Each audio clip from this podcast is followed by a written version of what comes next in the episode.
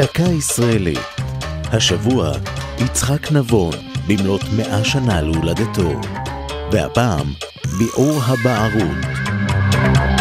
מפקד האוכלוסין במדינה בשנת 1961 חשף תמונה עגומה.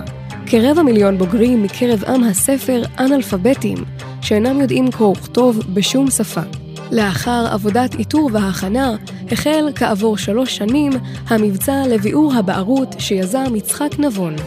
הוא כיהן באותן שנים כמנהל המחלקה לתרבות במשרד החינוך, שנים בטרם היה לשר בממשלה ולנשיא המדינה. בעוד שבשכונות עוני בערים גדולות כמו בירושלים, קל היה לאתר מורים בני העיר שהתגייסו למבצע. ביישובים מרוחקים ובעיירות הפיתוח היו חסרים מורים שהשתתפו בו. לשם כך נשלחו מורות חיילות ליישובים בפרוזדור ירושלים, לחבל עדולם, לחבל לכיש ולאזורים אחרים. את החיילות הכשיר משרד החינוך, והן הגיעו עד בתי התלמידים ללמדם לקרוא עיתון, לחתום את שמם ולהעלות את רמת האוריינות הכללית בקרב העם. המבצע, שנועד תחילה להסתיים כעבור שלוש שנים, נמשך והתארך עמוק לשנות ה-70. אף על פי שלא הושלם בהצלחה מלאה, היו לו תוצאות חיוביות.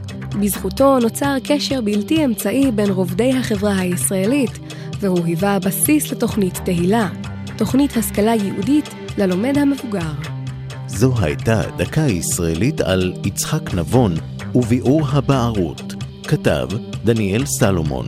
ייעוץ הפרופסור אסתר שלי ניומן. מפיקה אור זועי סולומוני.